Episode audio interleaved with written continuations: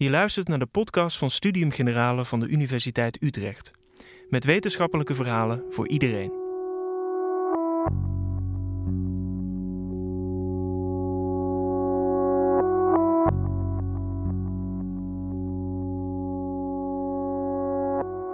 Het bestaan van racisme in Nederland is moeilijk te ontkennen. Etnisch profileren door Nederlandse politieagenten is een erkend probleem en op de arbeidsmarkt wordt zichtbaar gediscrimineerd. Volgens cultureel antropoloog Gloria Wekker moeten we naar het verleden kijken om de huidige situatie te begrijpen. Welke sporen heeft 400 jaar kolonialisme in onze samenleving nagelaten? Hoe beïnvloedt dat verleden ons huidige gedrag en denken? En kan een groter bewustzijn van die geschiedenis ons helpen om hedendaags racisme tegen te gaan?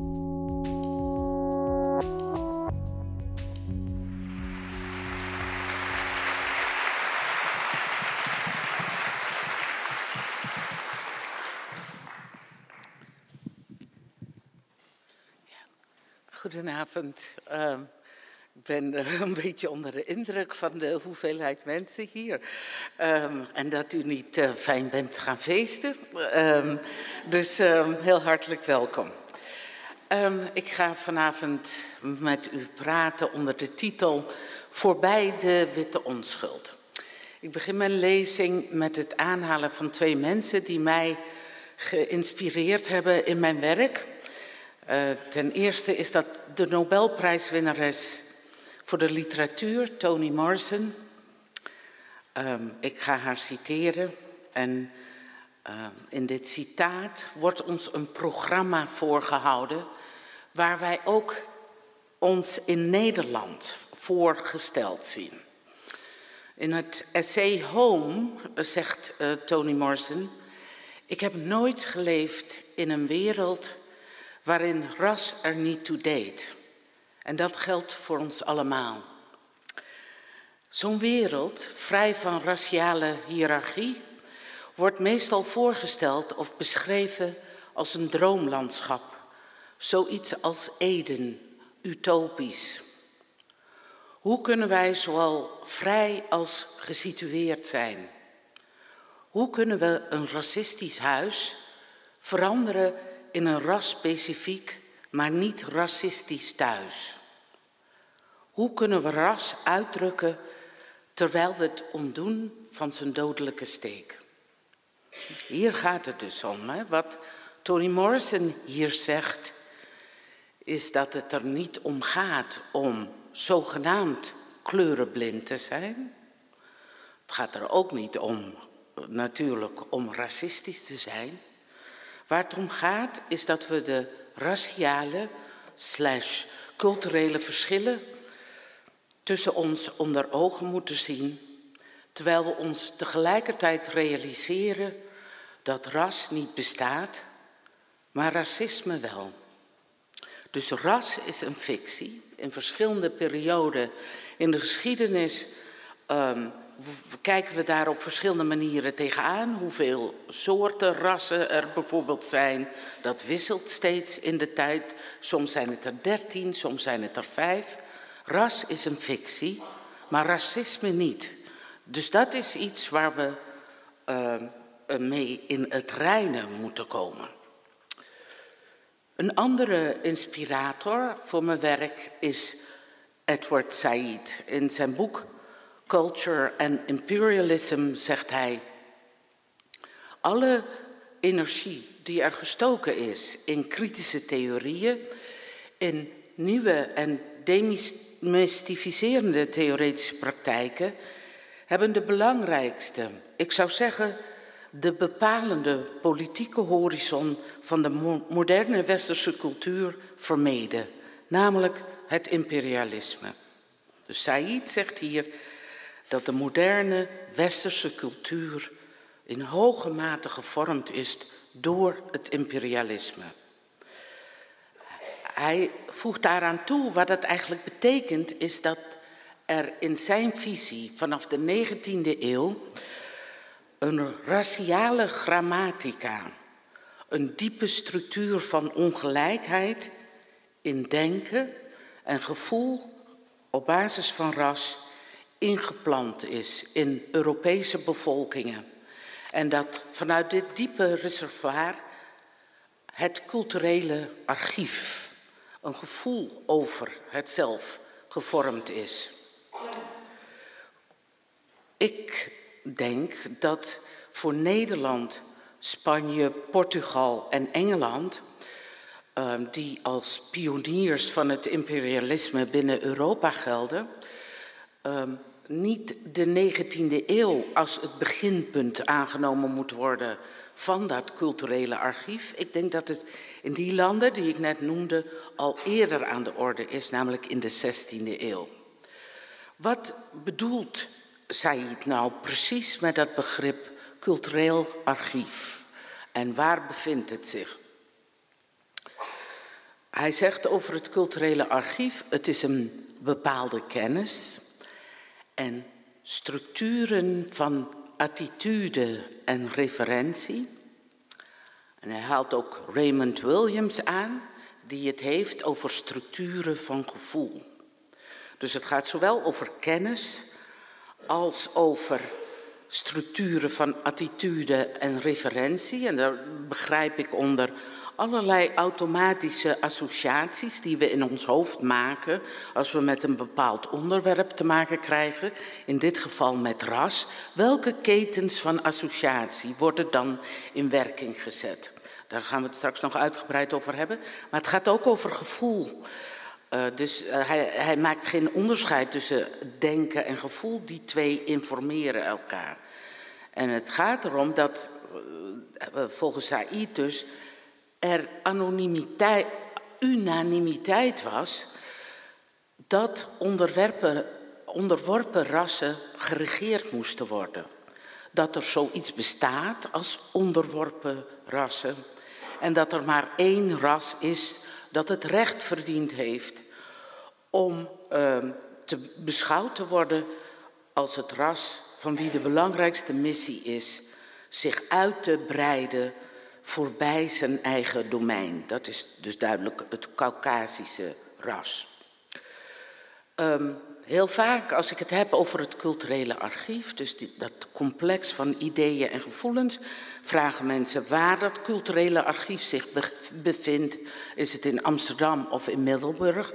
Dat culturele archief zit dus tussen de oren hè? en we dragen het mee in onze harten. Um, de titel van mijn boek is White Innocence. En um, ik ben een cultureel antropoloog van huis uit. Dus ik ben gewend om uh, ja, vreemde volken te bestuderen. Uh, meestal gebeurt dat in Verwegistan, maar ik heb mijn blik gekanteld naar Nederland. Ik wilde Nederland bestuderen. Dat is op zich al heel ongebruikelijk om als antropoloog een westerse samenleving te bestuderen. Um, met dat um, begrip white innocence, waarmee ik een belangrijke en kennelijk bevredigende manier oproep waarop Nederlanders in de wereld staan. Um, dat, onderdeel daarvan is dat de manier waarop wij over onszelf denken is als een kleine maar rechtvaardige ethische natie. Wij zijn kampioenen van vrouwbevrijding en de emancipatie van homo's, lesbo's, transgenders en queers. Van oudsher zijn wij buitengewoon gastvrij ten opzichte van buitenlanders en vreemdelingen. Wij zijn kleurenblind en vrij van racisme. Anderen doen aan ras, bijvoorbeeld uh, Zuid-Afrika, de Verenigde Staten, maar wij niet. Wij staan eigenlijk inherent aan de morele en ethisch goede kant van de zaak. Van allerlei ethische zaken, zoals abortus, euthanasie, de legalisering van softdrugs, etc. Dus wij stellen ons onszelf voor als een lichtbaken voor andere volken en naties. Wij zijn een klein land, maar we betekenen iets in de wereld. En vroeger was dat door de omvang van ons imperiale rijk, met name de gordel van Smaragd, ons Indië, Die onmetelijk grote archipel van eilanden die ons tot een wereldspeler maakte. Wij waren een natie om rekening mee te houden. In onze tijd is een van de redenen van onze nationale trots dat we het huis zijn van internationale rechtvaardigheid. Uh, met een aantal internationale gerechtshoven en tribunalen, bijvoorbeeld Rwanda en Srebrenica in Den Haag. Dus um, wij vertellen onszelf graag deze uh, positieve, verheven verhalen over onszelf. Maar het opmerkelijke is nu dat we er nooit aan toegekomen zijn om onze eigen geschiedenis eens echt goed tegen het licht te houden en ermee in het reinen te komen. We hebben de kwalijke kanten van ons imperiale verleden vergeten, uitgewist, verdrongen. Een van de belangrijke indicaties daarvan is dat we het op geen van de drie niveaus van ons onderwijs uh, de moeite waard vinden om de imperiale geschiedenis van Nederland te doseren. Ons aandeel in slavernij en slavenhandel. Alleen op de universiteit kun je een keuzevak bij geschiedenis volgen.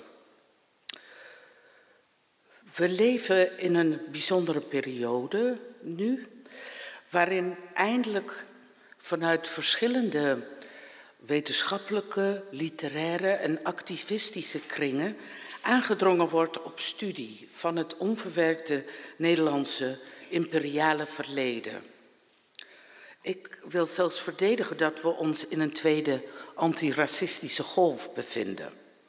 Na de eerste in de tachtiger jaren, dus in de eerste uh, antiracistische golf, die voortkwam uit de vrouwenbeweging, maken we nu een tweede antiracistische golf door. Het is die, die groep die de, de, motor vormt van die golf is heel gemengd. Uh, mensen van allerlei etnische achtergronden, raciale etnische achtergronden zitten erin. Wat ook een belangrijk verschil is met die eerste golf, is dat er nu sprake is van een grotere groep hoogopgeleide zwarte migranten en vluchtelingenjongeren.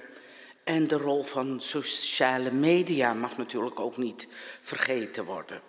Dus er zijn een aantal factoren bij elkaar die dit moment een heel spannend moment maken om de mogelijkheden uh, te gaan verkennen over hoe wij om kunnen gaan en om zouden moeten gaan met ons imperiale verleden. Waar dat verleden uit bestaat en hoe we daarmee in het reinen zouden moeten komen.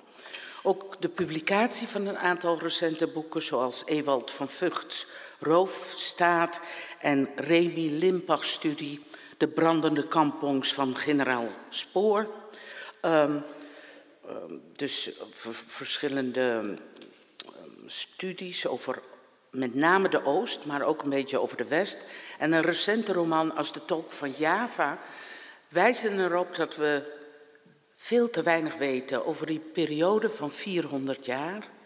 En bijzonder over de laatste periode in ons Indië, de periode van de politionele acties.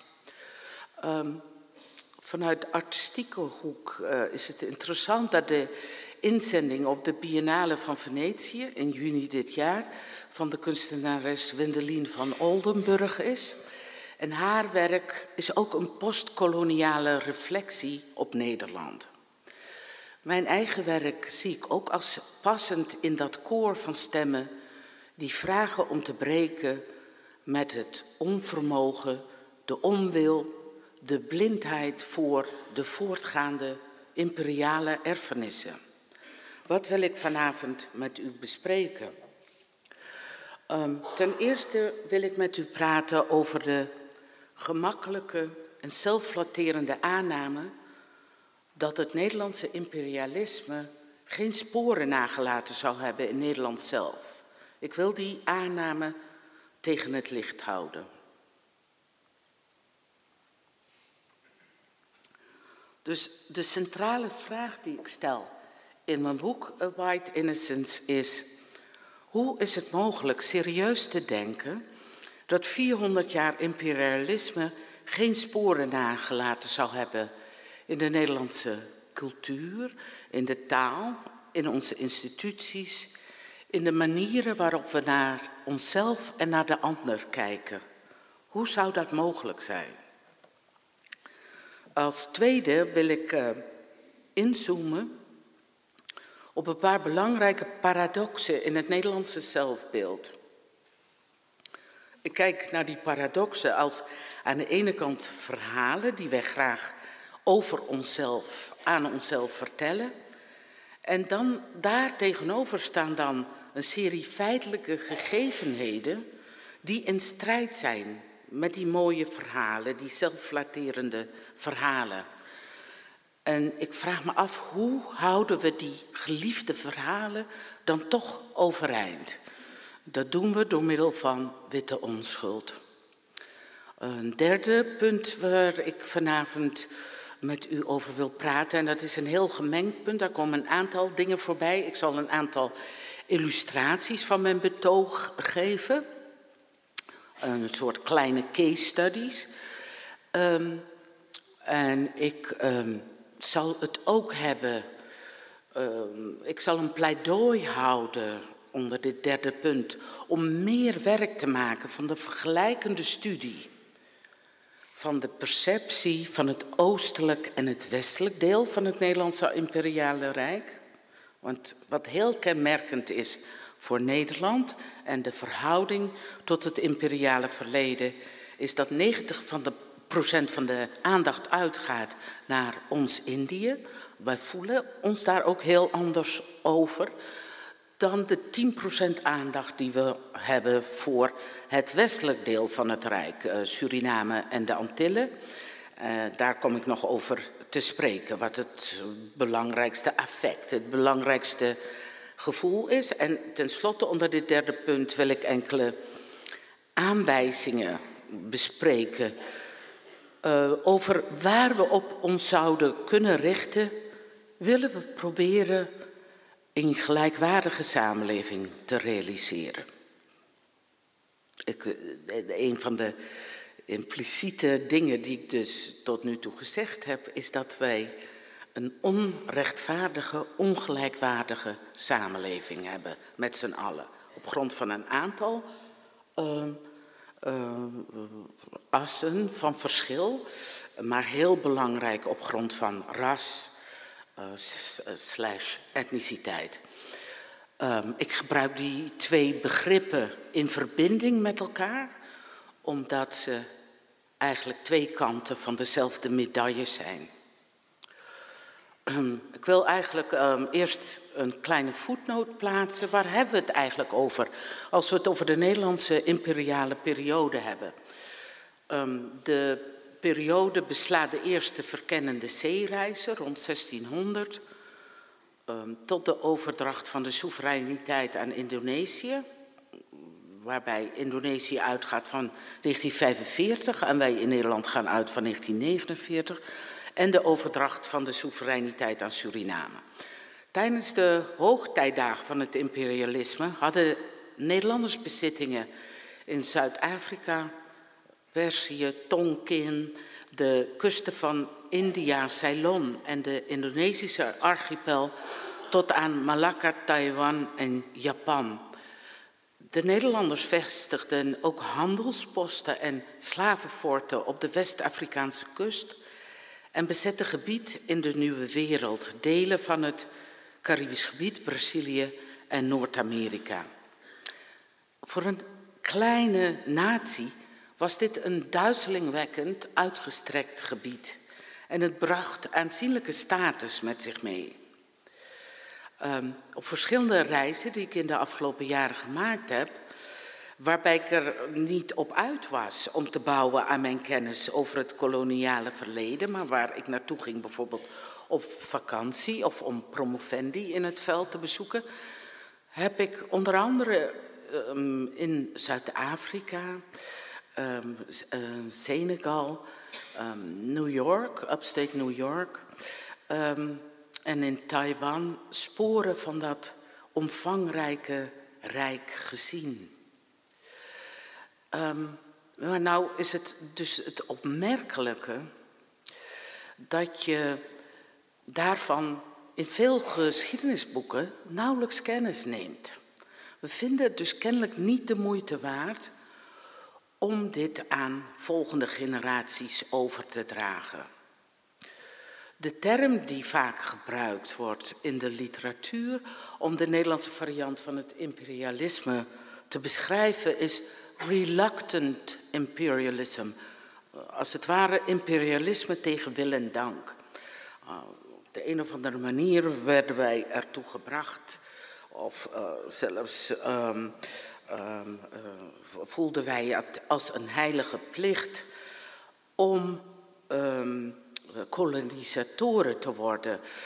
dus er is een, gevoel van een mengeling van onschuldige, ongeplande acties die de Nederlanders als het ware tegen hun wil dwongen om kolonisator te worden en het is gekoppeld aan een sterke morele overtoon van superioriteit en een heilige missie. Um, het is natuurlijk zo dat een systeem dat gebaseerd was op raciaal verschil de basis vormde van het imperialisme.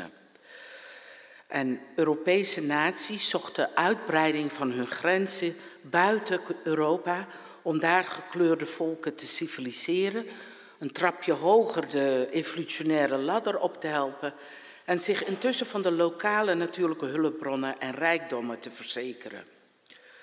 En ik noemde al dat een bijkomend voordeel was dat de vaak kleine Europese naties, bijvoorbeeld Denemarken, Portugal, Nederland, prestige in de wereld verwierven en tot wereldspelers werden.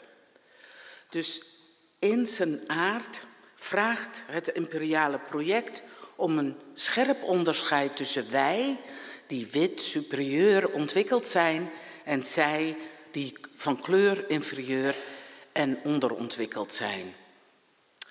Toni Morrison is ook een van de mensen die in een Amerikaanse context geschreven heeft over wat slavernij doet met het witte zelfbeeld wat het doet met wat zij noemt de dromer van de droom. De dromer van de droom, dat zijn de mensen, de kolonisten die uit Europa kwamen, in grote armoede leefden en probeerden een nieuwe wereld op te bouwen in Amerika. Wat doet die slavernij met het witte zelfbeeld? Zij zegt, slavernij brak de wereld in tweeën. Het brak het in alle opzichten. Het brak Europa. Het maakte hen tot iemand anders. Het maakte hen tot slavenmeesters. Het maakte hen gek. Dat doe je niet honderden jaren zonder dat het een tol eist. Ze moesten ontmenselijken, niet alleen de slaven, maar ook zichzelf. Ze moesten alles reconstrueren ten einde het een juist systeem te laten lijken. Hoe zou het mogelijk zijn dat gedachtegoed, dat raciale onderscheid beperkt te houden tot de koloniën en te zorgen dat het niet ook doordrong in Nederland zelf. Dat is namelijk de redenering die heel vaak aangehouden wordt. Nederland had imperialisme naar buiten toe gericht, terwijl Amerika imperialisme binnen zijn eigen grenzen had. Maar omdat het voor Nederland buiten de grenzen plaatsvond, hebben wij ons ingeprent dat het dus in Nederland zelf geen sporen nagelaten zou hebben. Maar dat is uh, een onjuiste redenering, zeg ik. Er zijn op allerlei manieren is sprake geweest van uitwisselingen tussen de koloniën en de metropool. Uh, bijvoorbeeld alleen al door publicaties over de koloniën, bijvoorbeeld in het tijdschrift De, de Gids, maar ook door het reizen van personen vanuit de koloniën naar Nederland en vice versa. Ehm, en met die uitwisseling is ook het concept ras meegereisd naar de metropool. Um, nogmaals, een, een, andere misvatting die wijdverbreid is, is dat ras pas een rol ging spelen in Nederland na de Tweede Wereldoorlog, toen de eerste mensen uit Indonesië, dus Indo's en Molukkers, naar Nederland toe kwamen. Ik denk dat met dat culturele archief dat vanaf de 16e eeuw invulling heeft gekregen, dat ras altijd al een rol gespeeld heeft in de opbouw van onze instituties, in allerlei alledaagse ontmoetingen en tradities. En dat ras ook een rol speelt in de manier waarop we naar onszelf en de ander kijken. Dus dat culturele archief, die verzamelplaats van gedachten, referentiepunten en gevoel met betrekking tot ras, is nog steeds richtinggevend voor ons handelen. Ik wil graag een klein voorbeeld ter illustratie geven. Hoe dat culturele archief tot op de dag van vandaag werkzaam is. Ik was vorig jaar de voorzitter van de commissie diversiteit aan de Universiteit van Amsterdam. Uh, de, het werk dat wij als commissie diversiteit deden was dat we een uh, groot aantal gesprekken gevoerd hebben met studenten en staf en OBP. Uh, eh, uh, de, de hoogste en de laagste regionen van um, de UvA um, hebben wij gesprekken gevoerd over uitsluiting. dit is één zo'n verhaal. Er is een donkere man, een UHD, een universitair hoofddocent. En hij geeft een college methode in een faculteit. Hij heeft een jonge witte man, een PhD-kandidaat, als assistent.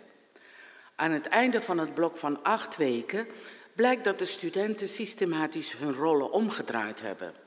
De assistent, de witte assistent, is de professor en de donkere man is de assistent.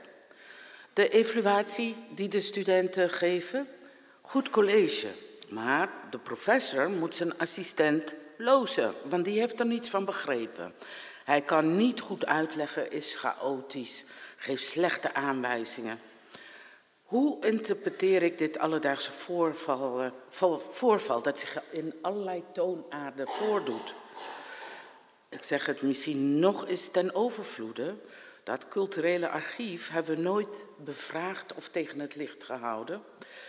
Het is nog steeds in volle glorie werkzaam en maakt ras-etniciteit tot een fundamentele grammatica van verschil, net als gender, eh, klasse, seksualiteit en religie in de Nederlandse samenleving.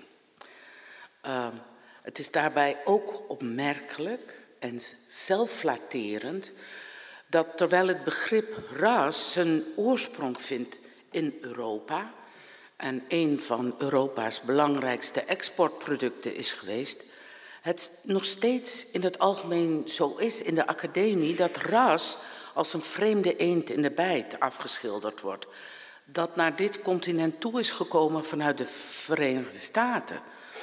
En dat is onder andere een van de dingen die Fatima El Tayeb zegt in European Others. We hebben Europa geconstrueerd als een continent dat vrij is van ras en van racisme. Um, het heeft lang geduurd eer er een wetenschappelijke roep kwam om verdere studie te verrichten naar het imperiale verleden. Um, in het geval van Indonesië speelde het traumatische verlies ons parten. De onverwachte Indonesische vastbeslotenheid om onafhankelijk te worden en niet terug te keren in de warme deken van het Nederlandse Koninkrijk. Bij Suriname en de Antillen vinden we een heel ander, um, een andere configuratie. In het geval van Suriname speelt schaamte over de late datum van dekolonisatie en ook wel opluchting over het afscheid een rol. Um, ik heb opgemerkt dat er een taakverdeling in gevoel is met betrekking tot het imperialisme in de Oost en um, die in de West. Met betrekking tot de Oost is het dominante gevoel er een van spijt, melancholie, heimwee naar die goede oude tijd. We betreuren het verlies van ons Indië. Met betrekking tot Suriname zijn gevoelens van opluchting dominant. En met betrekking tot de Nederlandse Antillen, nog steeds deel van het Koninkrijk, heersen gevoelens van onverschilligheid en criminalisering. De beschamende uitspraken van het ex-PVV-lid Hero Brinkman om de Antillen te koop te zetten op Marktplaats of de recente Bosmanwet, waarbij Antilliaansleden van het Koninkrijk uit hun rechten tot toegang tot Nederland dreigden te worden ontzet, maken duidelijk dat het verlangen naar een sterk omgrensd Nederland nu sterk leeft. Um, een van de mensen die ook um, heel indringend over het verlies van een koloniaal rijk geschreven hebben is uh, Paul Gilroy.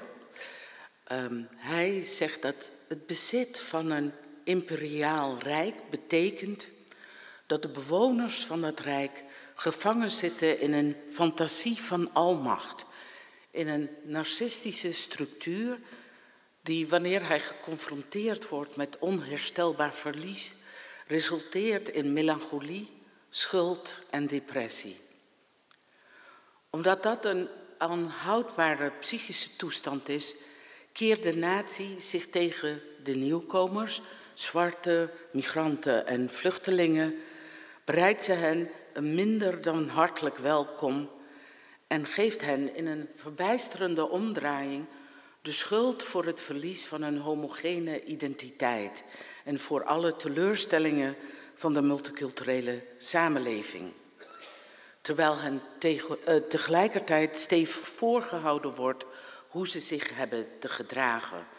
Deze uh, ontwikkeling die hij schetst, die Paul Gilroy schetst, um, spreekt heel erg over de huidige situatie in uh, de Verenigde Staten met Trump en ook de uh, ruk naar rechts in vele delen van Europa over uh, wie de schuld krijgen van ehm, het verlies van wie we ooit waren.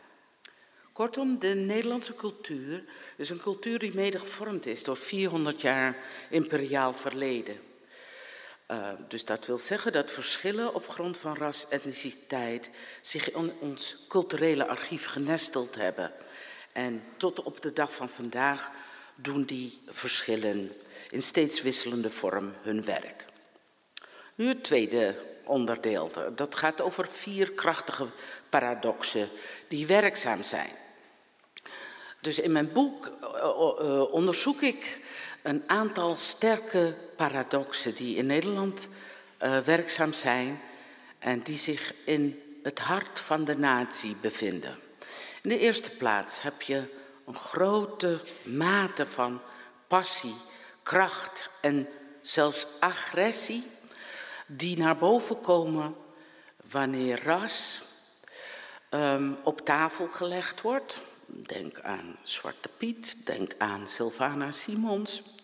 Terwijl tezelfde tijd de belangrijkste reacties ontkenning, logening en ontwijking uh, de belangrijkste reacties zijn. Dus een enorme uh, kracht wordt opgeroepen en agressie wanneer ras aan de orde is en tegelijkertijd wordt dat hevig ontkend.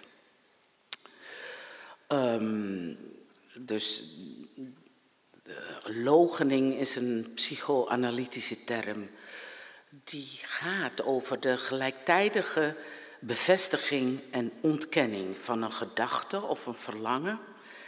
En uh, samen met ontkenning en het uit de weg gaan, is dat een van de belangrijkste manieren waarop we met ras omgaan in Nederland.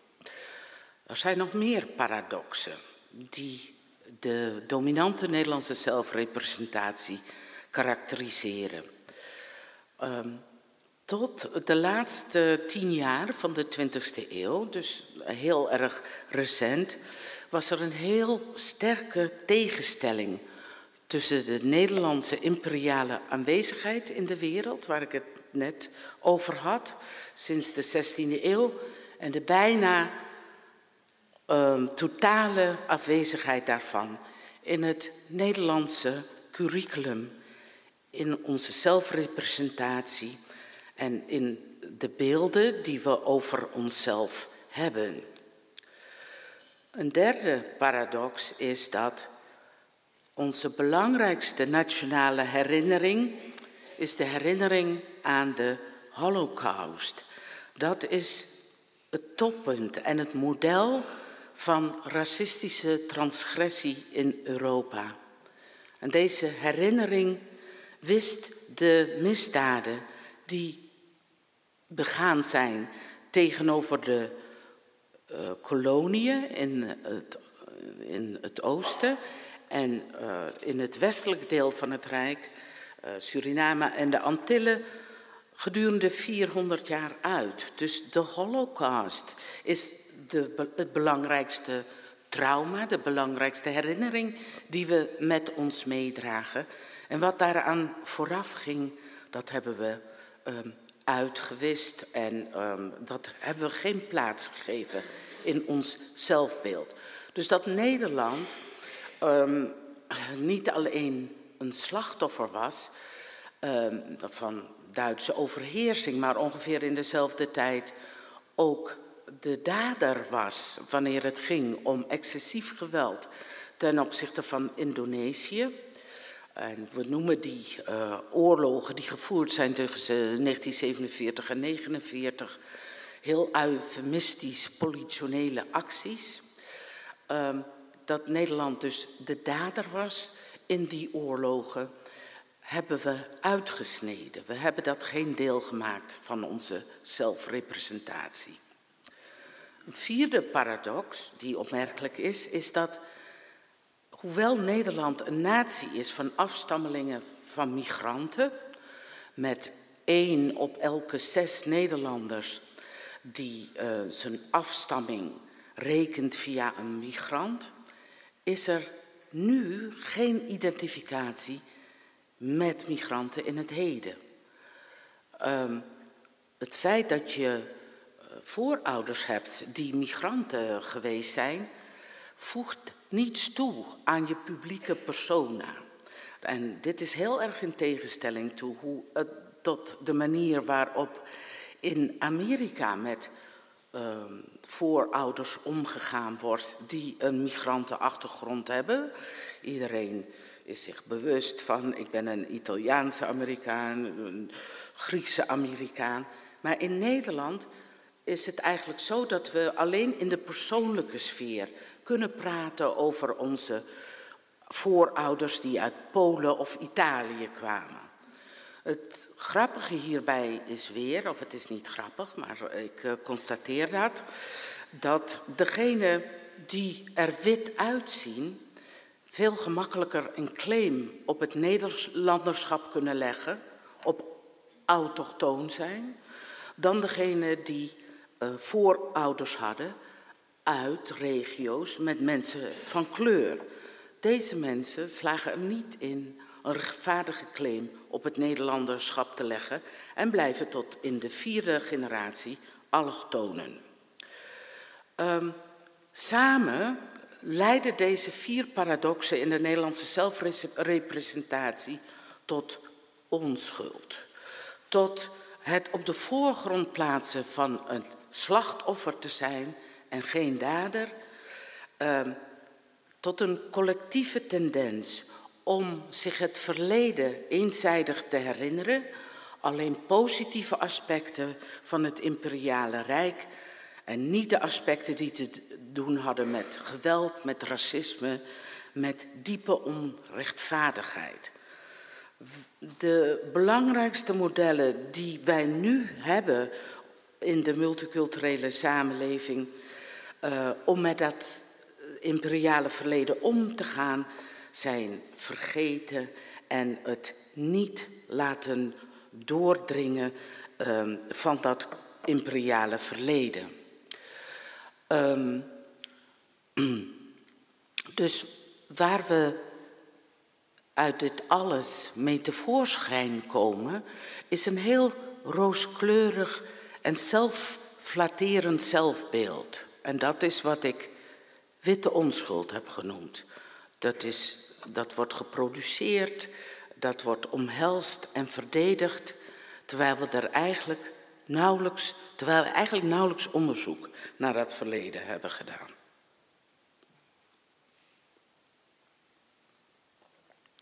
Ik ga ongeveer afronden. Er zijn dus ten derde, er zijn drie terreinen die ik als urgent beschouw om aan een gemeenschappelijke, rechtvaardige toekomst te werken. Uh, dat is ten eerste het onderwijs. Te beginnen vanaf het basisonderwijs en dat loopt door tot en met de universiteit.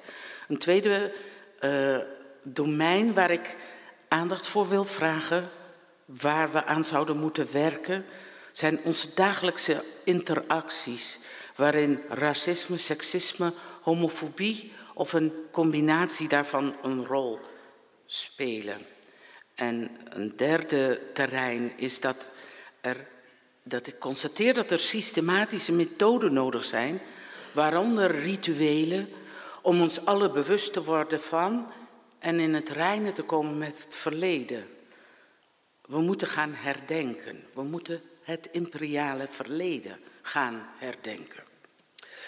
Laat ik even kort iets over deze drie terreinen zeggen waarvan ik denk dat we daarmee aan de slag zouden moeten gaan. Ik denk dat het belang van onderwijs voor zich spreekt.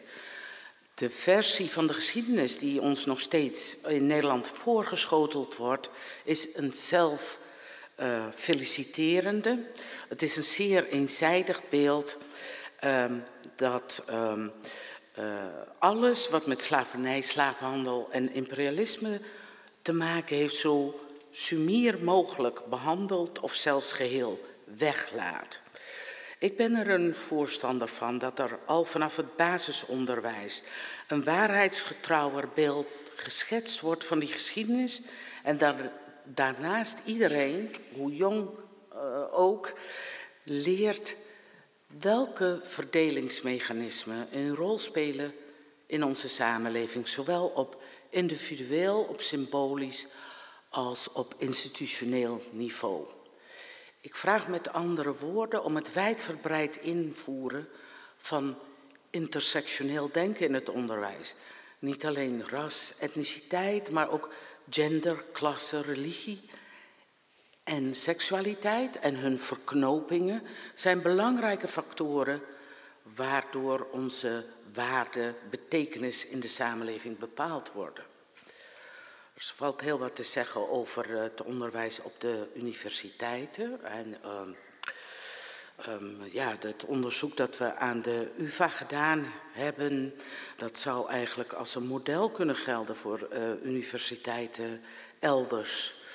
Uh, onze commissie vond dat diversiteit een aspect is, een voorwaarde, liever gezegd, voor academische excellentie.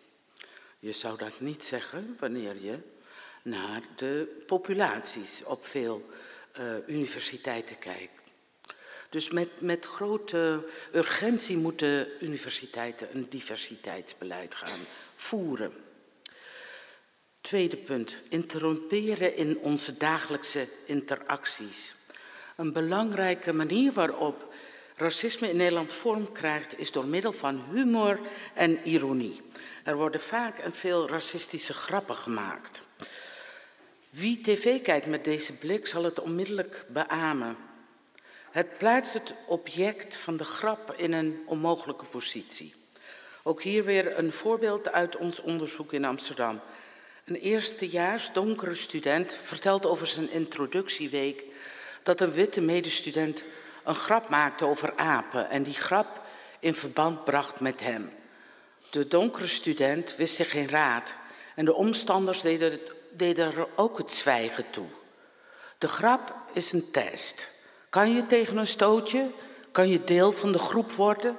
Dan moet je geen protest aantekenen tegen het racisme. Als je het wel doet, ben je geen deel van de groep. Dat is een onmogelijke situatie om ingebracht te worden. Natuurlijk wil hij deel uitmaken van de groep. Opmerkelijk is dat hetzelfde is dat een omstander zijn mond open doet of haar mond open doet en zegt: Ik vind dit niet oké. Dit is een racistische grap. Heel vaak geldt ditzelfde mechanisme ook voor seksisme en homofobie. Elie Wiesel zegt in Nacht: Silence helps the tormentor, not the tormented. En the opposite of love is not hate, it is indifference. Onze gezamenlijke opdracht is te beginnen met niet meer onverschillig te zijn, niet meer onszelf te beschermen, maar zulke situaties te ontregelen en te interrumperen. Of het nu om seksisme, racisme of homofobie of een ander isme gaat. Derde en laatste punt. Ondersteund door de punten 1 en 2 zal het gemakkelijker worden om plekken en rituelen in de samenleving te creëren waarin we nadenken over en in het reine komen met het imperiale verleden. Het gaat mij niet om het aanwakkeren van schuldgevoel. Dat is een weinig productieve houding. Ik wil juist dat mensen hun posities uh, bezetten, dat mensen kennis tot zich nemen en proberen met ons allen voor een rechtvaardiger samenleving te gaan staan. Ik dank u voor uw aandacht.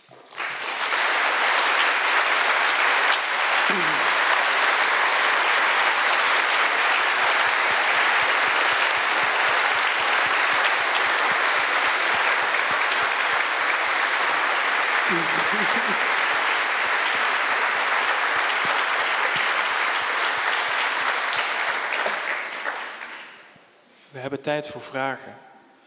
Ik kan me voorstellen dat die er zijn. Ik kan naar je toe komen. Zijn er vragen? Misschien boven. Daar even. Ja, ik zie daar een vraag. Kom naar je toe.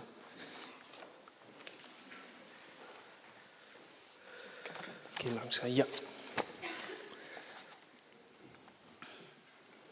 Gaat u goed. Ja, u praat over uh, wij Nederlanders en u kijkt naar ons als Nederlanders. Uh, maar ik vind dat u weinig onderscheid maakt in Nederlanders. Ik bedoel, Nederland kent ook zijn rijke klasse, zijn arbeidersklasse, zeker in het verleden. En ik denk dat, dat, uh, dat je ook niet kunt praten over wij Nederlanders. Dat er veel nuanceringen in zitten in, in, in, in Nederlanders. Ik bedoel, er is ook verzet geweest tegen het koloniale verleden van Nederland door, door Nederlanders door bijvoorbeeld de mensen van het CPN. Maar dus dat, ik... dus kun, je, kun, je, kun je die Nederlanders op één hoop gooien? Dat is, dat, is, dat is eigenlijk uw vraag. Ja, ik vind dat u die Nederlanders te veel op één hoop gooit. Ziet u verschillen in de Nederlanders? Ik, ik neem aan van wel, maar... Um, uh, Erwin, ik wil een paar vragen verzamelen. Oké, dat is goed. We gaan even clusteren. Zijn er andere? Ja, ik zie daar nog een vraag.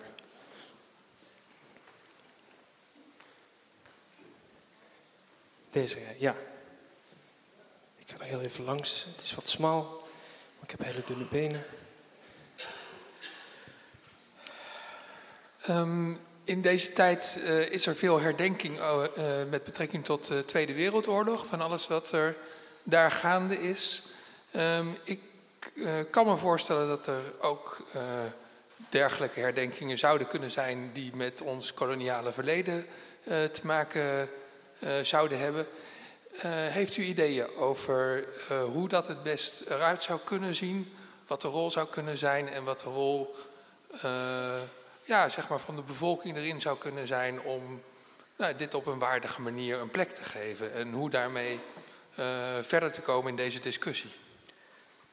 Zullen we er drie doen, Gloria? Ja, is goed. Okay. Hier nog eentje. Ja, mijn, mijn vraag, die, uh, wat ik een beetje gemist heb in uw analyse, is uh, de rol die de godsdienst speelt.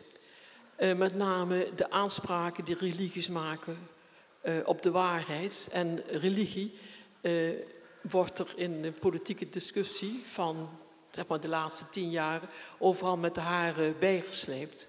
En ik denk dat religie ook een onderdeel is van het hele koloniale project. Ja, zeker. Oké, dank jullie wel voor die vragen. Um,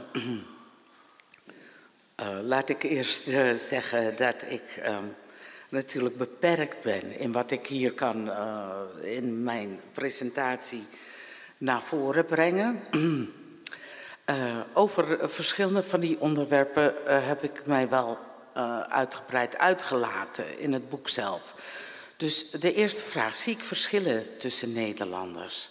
Natuurlijk zie ik verschillen tussen Nederlanders. Er zijn verschillen natuurlijk naar klasse, naar gender, uh, naar religie. Maar wat in het koloniale project een belangrijke rol speelt, en daarmee ontken ik niet dat er wel sprake is geweest in sommige kringen van verzet tegen dat imperiale verleden, maar dat ras, etniciteit daarin een hele belangrijke rol gespeeld heeft en ook verschillende mensen verschillend gepositioneerd heeft, dat blijft natuurlijk staan. Um, dat koloniale verleden is, zoals ik zei, gebaseerd op een fundamenteel verschil in ras, op een uh, raciale positie, een witte raciale positie, die mensen in staat stelt bepaalde posities te claimen. Zo was dat systeem ook georganiseerd. Mensen die in Nederland bijvoorbeeld niet aan de slag konden komen, onsuccesvol waren, werden naar de koloniën gestuurd. En hoe uh, ongeschikt ze in Nederland ook waren, in de koloniën stregen hun status vanaf dag één met uh, verschillende uh, uh, gradaties. Witte mensen waren in de koloniën waardevol, waardevoller dan gekleurde mensen. Dus het lijkt me niet juist om dat nu weg te gaan poetsen. En uh, natuurlijk zie ik verschillen tussen Nederlanders. Maar datgene wat verbindend hier is, is het concept ras. En het verschil dat ras maakt in de positioneringen van gekoloniseerde en kolonisatoren. Tweede vraag over de herdenking. Uh, um, wat, wat, voor vormen dat zou kunnen aannemen. Uh, ik zie daar al uh, verschillende uh, voorbeelden van. bijvoorbeeld de Kitty Kotti tafel van Mercedes Zandwijken, die uh, dat sinds een aantal jaren doet op 1 juli, de dag waarop we de afschaffing van de slavernij herdenken. Um, rituelen waarbij uh, witte en zwarte mensen bij elkaar gebracht worden en met elkaar gaan uitwisselen. Ook rituele handelingen verrichten. Ik vind dat een heel mooi begin van een uh, herdenking van dat koloniale verleden. Um, ik denk dat het monument ter herdenking van de slavernij ook een heel centrale rol speelt. Um, in wat uh, zo een herinneringscultuur zou kunnen worden. Ik zou graag meer witte mensen willen uitnodigen om aanwezig te zijn op 1 juli bij de uh, herdenking van de afschaffing van de slavernij. Om tot uitdrukking te brengen dat dit een onderdeel is van onze gemeenschappelijke geschiedenis. En natuurlijk bestaat er allerlei ruimte voor mensen om na te denken over nieuwe vormen, om dit um, herdenken en herinneren uh, vorm te gaan geven. Dat zou heel erg mooi zijn.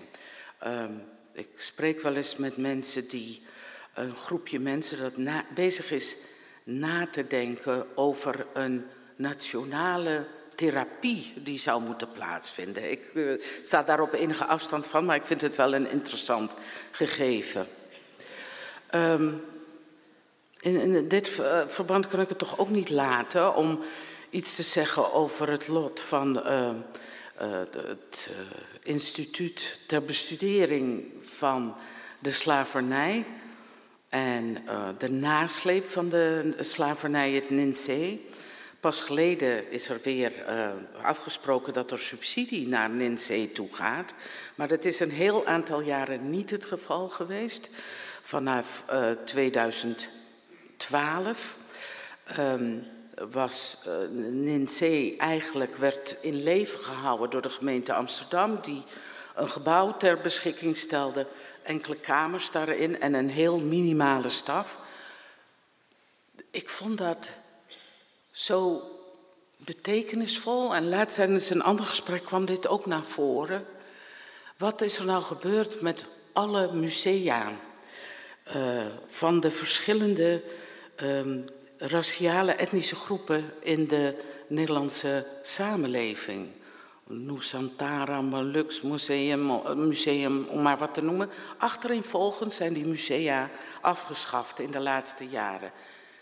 Ik vind dat een tamelijk op gespannen voet staan met het soort samenleving waar ik naartoe zou willen streven.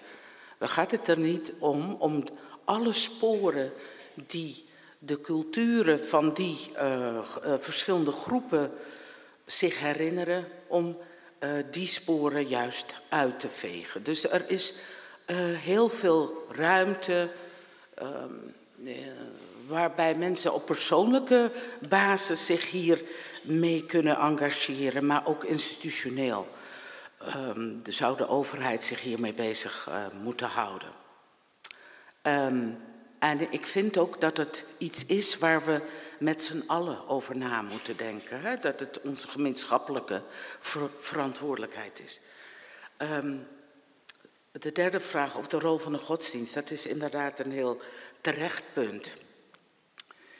Ik moet zeggen dat ik daar um, nog volop over na aan het denken ben. Uh, omdat ik denk dat er ook een verschil is tussen katholicisme en protestantisme en de manieren uh, waarop white innocence in die verschillende kringen um, um, een vorm gekregen heeft. Uh, dat is een ongelooflijk uh, complex probleem. En ik uh, weet ook niet goed wie daar al eerder over geschreven heeft. In die combinatie met ras. Hè? Uh, dat is dus een geheel nieuw onderwerp. Dus ik weet niet hoe ver ik daarmee zal komen. Of dit in de Nederlandse vertaling en bewerking van het boek aan de orde zal komen. Um, ik denk nooit dat ik dat kan doorgronden op zo'n korte termijn. Maar het is een project waarvan ik me kan voorstellen dat ik daar een aantal jaren nog mee bezig zal zijn. Om dat goed uh, door te krijgen wat daar aan de hand is. Maar het is een hele terechte opmerking. We gaan weer uh, drie vragen clusteren. Je had een vraag, kom hier even tussendoor. Hoi, dank je. Hi, um, ik heb eigenlijk twee vragen die best wel met elkaar te maken hebben. Um, het eerste gaat over iets wat u noemde, wat ik heel interessant vond, dat uh, ras en etniciteit eigenlijk twee kanten zijn van dezelfde medaille. En als we etniciteit ook iets zien als een uh, sociaal-culturele identiteit, waarin de religieuze identiteit eigenlijk ook een rol speelt, ben ik benieuwd hoe u aankijkt tegen de discussie waarin het gaat over of de huidige moslimdiscriminatie ook een vorm is van racisme. En daarnaast merkte ik dat u heel veel manieren van discriminatie noemt. Dus het racisme, het seksisme en, het, en de homofobie. Maar eigenlijk het, de islamofobie of de moslimdiscriminatie helemaal niet heeft genoemd. Maar eigenlijk ben ik heel nieuwsgierig naar hoe u daar tegenaan kijkt. En ook welke rol u daarin ziet van de witte onschuld. Het concept wat u eigenlijk... Uh, Ten aanzien van de islamofobie. Ja. Dankjewel. Zijn er aan deze kant nog vragen? Ja. Kom ik weer. Ja. Dank je. Uh, ik, ik, had een vraag omtrent uh, ook de manier hoe u onderzoek doet. U, u maakte in uw, uh, in uw verhaal, had u het en misschien of waarschijnlijk ook wel terecht over een zekere vorm van confirmation bias die bij de Nederlanders een beetje erin geslepen is of er bewust ingekropen is. Ehm, ik, ik had een vraag hoe gaat u daar zelf mee om in uw onderzoek met uh, eventuele confirmation bias of dat soort dingen? Niet zeggen dat het per definitie is, maar ik ben benieuwd hoe daarmee omgegaan wordt in, uh, in dit soort onderzoek. Nog aan deze kant een vraag? Achter? Dan ga ik weer door. Hier nog een dit. Ja, ik zie daar ook een vraag.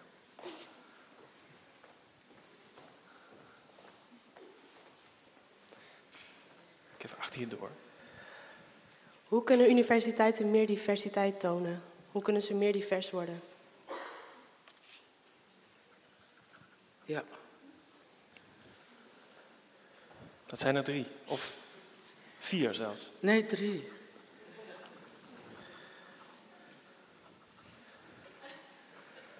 Oké, okay, goed. Dit, uh, dank jullie wel voor de vragen de vraag over de relatie tussen islamofobie en white innocence. Er zijn dus twee dingen die ik, waarvan ik het gevoel heb zelf dat wat, uh, wat lacunes zijn in mijn boek. Um, en dat is de kwestie van godsdienst. En ten tweede, hoe um, afrofobie racisme ten opzichte van zwarte mensen zich verhoudt tot racisme ten opzichte van moslims. Um, het zijn allebei ontzettend grote vragen. Hè? Dus ik heb mij daar wel uh, het hoofd over gebroken, maar besloten van ik kan daar in dit boek geen recht aan doen. Het is iets wat. Uh, een, een groter project is en een langer durend project om hier helemaal uit te komen. Maar ik ben ervan overtuigd, aan de ene kant, dat er overeenkomsten en verschillen zullen zijn tussen uh, afrofobie en islamofobie. Um, ten tweede uh, denk ik dat in de tijd gezien um, de geschiedenis van de houding ten opzichte van de islam heel belangrijk is om vanuit een Nederlands perspectief te gaan bestuderen. Dus je kunt nu vaststellen in het heden, wat zijn nu belangrijke verschillen in hoe zwarte mensen worden gezien en hoe islamieten worden gezien. Uh, en je kunt ook teruggaan naar het verleden om daarnaar te kijken. En ik denk dat we allebei moeten doen. Uh, wat we kunnen vaststellen is dat een dominante manier om om te gaan, uh, of de beelden die bijvoorbeeld aan zwarte mensen voorafgaan, heel erg veel met seksualiteit te maken hebben, met een excessieve seksualiteit, terwijl er andere beelden zijn die aan um, um, moslims um, voorafgaan. En ik zou het heel erg interessant vinden om die twee uitgebreider en uitputtender met elkaar te beschrijven. Maar ik had dus echt al mijn handen vol aan datgene wat ik wel gedaan heb in mijn boek. Maar ik vind het een heel belangrijk onderwerp dat nader uitgediept zou moeten worden. Um, hoe ik onderzoek doe. Um, um, ja, dus ik uh, noem mijzelf een scavenger theorist en methodologist. En dat wil dus zeggen dat ik uh, theorieën en methoden gebruik, uh, heel eclectisch, um, uit de sociale wetenschappen en uit de geesteswetenschappen. Um, ik observeer, maar ik, ik observeer en ik doe mee aan allerlei um, sociale gebeurtenissen. Um, ik uh, interview mensen. Um, maar ik kijk ook heel erg naar wat voor beelden krijgen we nu aangeboden op tv en in media in het algemeen. Ik analyseer romans. Ik doe een organisationele analyse, bijvoorbeeld van de universiteit of van hoe de overheidsaandacht voor vrouwen in elkaar zit en geregeld is. En ik kijk bij al die dingen die ik doe, bij al die methoden die ik gebruik, kijk ik steeds naar welke rol speelt ras nu uh, hierin. Um, misschien kan je me eigenlijk wat uh, feedback geven over wat je bedoelt met confirmation bias. Want ik weet niet of ik, ik hiermee je vraag beantwoord. Ja, maar dan kunnen de mensen het thuis uh, straks niet uh, horen. De mensen thuis, ja. Confirmation bias. Ja, uh, confirmation bias. Dus het is niet toevallig dat ik er nu over begin. Ik heb namelijk binnenkort een tentamen, dus ik moet dit leren. Maar, ehm, maar behalve dat vond ik het een heel interessant ding. Het, Confirmation bias komt er een beetje op neer dat uh, mensen, zeker als je in je eentje onderzoek doet of niet met een enorm groot ander team onderzoek doet, dat je vrij snel geneigd bent om verbanden te leggen met, uh, tussen dingen waarvan je denkt dat die al bij elkaar kloppen of binnen een zekere vorm van je referentiekader passen. En dat er daarom soms onterecht verbanden worden gelegd, maar ook onterecht niet verbanden worden gelegd. Um, en daarmee bedoelde ik ook een beetje wat u zei over dat wij als Nederlanders onszelf een zekere vorm van onschuldig imperialisme in de schoenen hebben gestoken en dat wij dat dan ook overal proberen te gaan uh, herkennen in alles. En die andere verbanden een beetje ontkennen of niet, niet willen zien of niet kunnen zien. Ik vroeg me af hoe, hoe u daar, zeker als antropoloog, is dat vrij lastig met, met observaties en dat soort dingen. Hoe u daar in uw eigen werk mee omgaat met de mogelijkheid dat u per ongeluk dingen met elkaar associeert die misschien niet terecht met elkaar geassocieerd zouden kunnen worden, of andersom. Oké, oké, goed, dank. um, nou ja, eh, eh, volgens mij geldt dat voor iedere onderzoeker, of die nou uh, individueel werkt of in een team, um, dat je zoveel mogelijk beschrijft uh, wat je doet en hoe je tot je conclusies komt. En dat je door daarover te publiceren jezelf ook openstelt om daarover in discussie te gaan. En dat andere mensen, lezers, kunnen zeggen van nou, uh, volgens mij is dit niet zo, of heb je hier aan gedacht? Uh, maar ik, ik, zie dat niet iets als uh, specifiek voor als je antropoloog bent of welke andere discipline je ook aan een onderdeel van bent dat het daar een probleem zou zijn. Volgens mij is dit onderdeel van gewoon onderzoek doen. Dat je je, um, uh, je duidelijk maakt hoe je aan je conclusies gekomen bent. Um, en um, ja, dat je je dus openstelt om hierover in gesprek te gaan. Goed, de laatste vraag was hoe kunnen universiteiten meer divers worden? Ja, hoe lang zullen we hierover praten? um, in het rapport dat de, de, commissie geschreven heeft, de commissie van de UvA, Let's Do Diversity. Daar kom ik eigenlijk, en wellicht zou dat confirmation bias uh, genoemd kunnen worden, maar het is niet toevallig dat ik tot een aantal dezelfde conclusies kom als ik in mijn boek beschreven heb. Dat er sprake is van een spanning, een paradox tussen het eigen zelfbeeld van de Universiteit van Amsterdam, die zegt, wij staan open voor iedereen. Iedereen die de juiste eigenschappen heeft, die kan hier binnenkomen en succesvol zijn. En tegelijkertijd um, heel weinig um, diversity literacy heeft. Dus uh, geletterdheid, gealfabetiseerd is in wat het betekent om een diverse samenstelling te willen hebben. Um, er zijn ongeveer 60 aanbevelingen die we gedaan hebben in ons rapport. En die kan je in grote clusters uiteenleggen. Uh, je kunt kijken naar het curriculum. Wat is het dat studenten leren? Zijn degenen die op het curriculum staan voornamelijk witte heren? Of komen er ook andere schrijvers aan de orde in verschillende vakken? wie staan er voor de klas? Hoe is de samenstelling van de studentenpopulatie? Um, het is buitengewoon belangrijk, en ik heb dat zelf aan de lijve uh, ondervonden toen ik in uh, Amerika mijn PhD ging doen, om voor je te zien dat het mogelijk is om een zwarte vrouwelijke hoogleraar te hebben.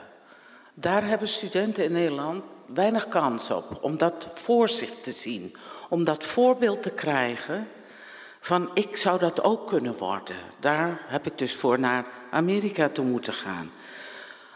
Um, er zijn heel veel verschillende manieren waarop je na kunt denken over diversiteit. Um, er zijn ook uh, um, uh, verschillende adviesbureaus die je daarin terzijde kunnen staan. Het is wat ik al eerder zei, diversiteit is een voorwaarde voor academische excellentie. En het is uiterst urgent dat we daar een begin mee maken. Het is uh, half tien. Vind je het oké om nog drie, drie vragen te doen, Gloria? Ja, is goed. Ja? Laatste de laatste drie vragen. Ja, ik zag hier. Uh... Och, er zijn zoveel vragen. En we hebben helaas niet tot, uh, tot heel laat.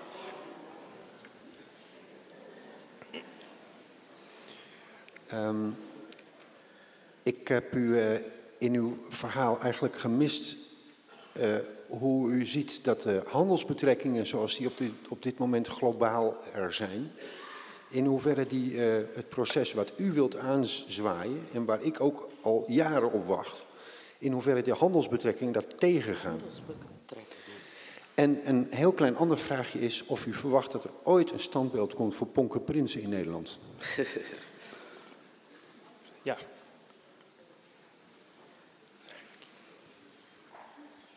Um, uw verhaal kan nog wel eens bij mensen heel veel emoties oproepen.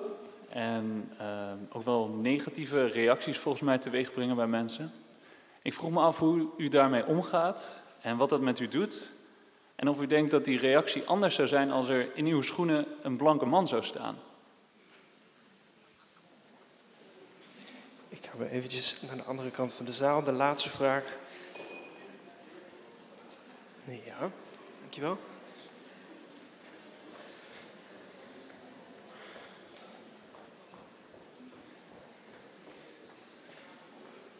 Ja. Um, welk verband uh, was voor u het lastigst uh, om, te, om, het, om het te beschrijven? Dus zeg maar een verband waar u dan heel erg tegenaan liep. En uh, ja, dat, ja. Kun je, kun je een voorbeeld noemen van zo'n verband? Um... Ja, ik weet er wel één. Ja? Hartstikke goed. Dankjewel, Gloria. Oké, okay, um, ja, die vraag over die handelsbetrekkingen. Um, ja, ik weet eigenlijk niet zo goed wat je bedoelt daarmee.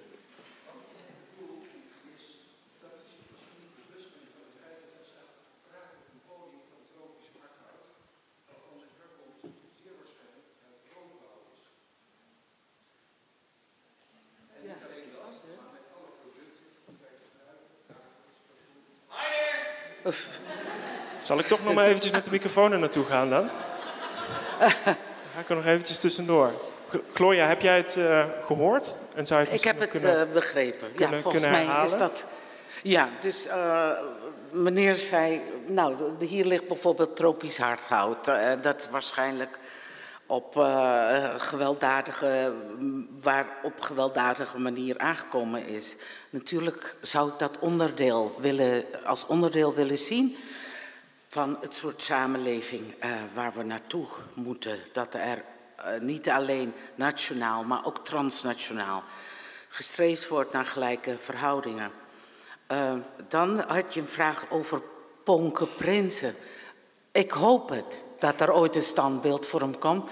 But I'm not holding my breath. Um, Ponke Prinsen, voor degenen die dat misschien niet meer weten, was een Nederlandse soldaat die uitgestuurd is om uh, in Indonesië te gaan vechten en die overgelopen is. En op het eind van zijn leven wilde hij nog een keer naar Nederland toekomen om afscheid te nemen van zijn familie. En dat is toen tegengehouden door de Nederlandse regering. Ehm, ik denk dat er nog heel veel moet gebeuren. Willen, ehm, willen wij kunnen inzien wat voor kracht het gevraagd heeft en rechtvaardigheidsgevoel wat hij had uh, om de kant van de onafhankelijkheid van Indonesië te kiezen. Um, vraag over uh, negatieve reacties van mensen en hoe zou het zijn over uh, als een blanke man dit verhaal vertelt. Uh, ik zou willen dat ik zo'n bondgenoot had als blanke man.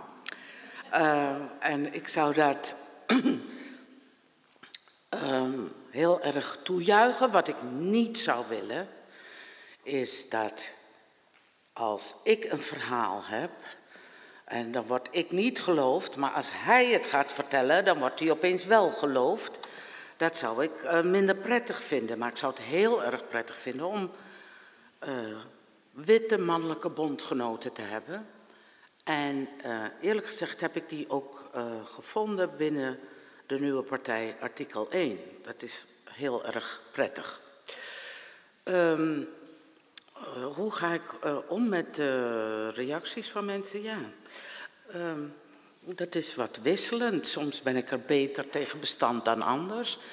Maar ik ben ervan overtuigd dat dit verhaal verteld moet worden. En uh, ik ga er dus ook mee door. Uh, welk verband vond ik het lastigste om te beschrijven in het boek? Dat was bij, toen ik erachter kwam bij de verkiezingen van 2010, dat de meerderheid van witte mannelijke homo's op PVV gestemd had. Dat vond ik heel moeilijk om met dat verband te dealen. Um, om te begrijpen hoe het mogelijk is dat uh, mensen die ik eigenlijk als mijn bondgenoten beschouw, homo's, mannelijke homo's, dat die uh, in mijn ogen dus meegaan met het dominante discours van uh, een, een islamofobisch discours. Dus in ruil voor acceptatie door de dominante samenleving um, gaan zij mee met een anti-moslim vertoog. We zijn helaas uh, aan het einde gekomen van deze avond. Mag ik een heel groot applaus voor professor Gloria Becker.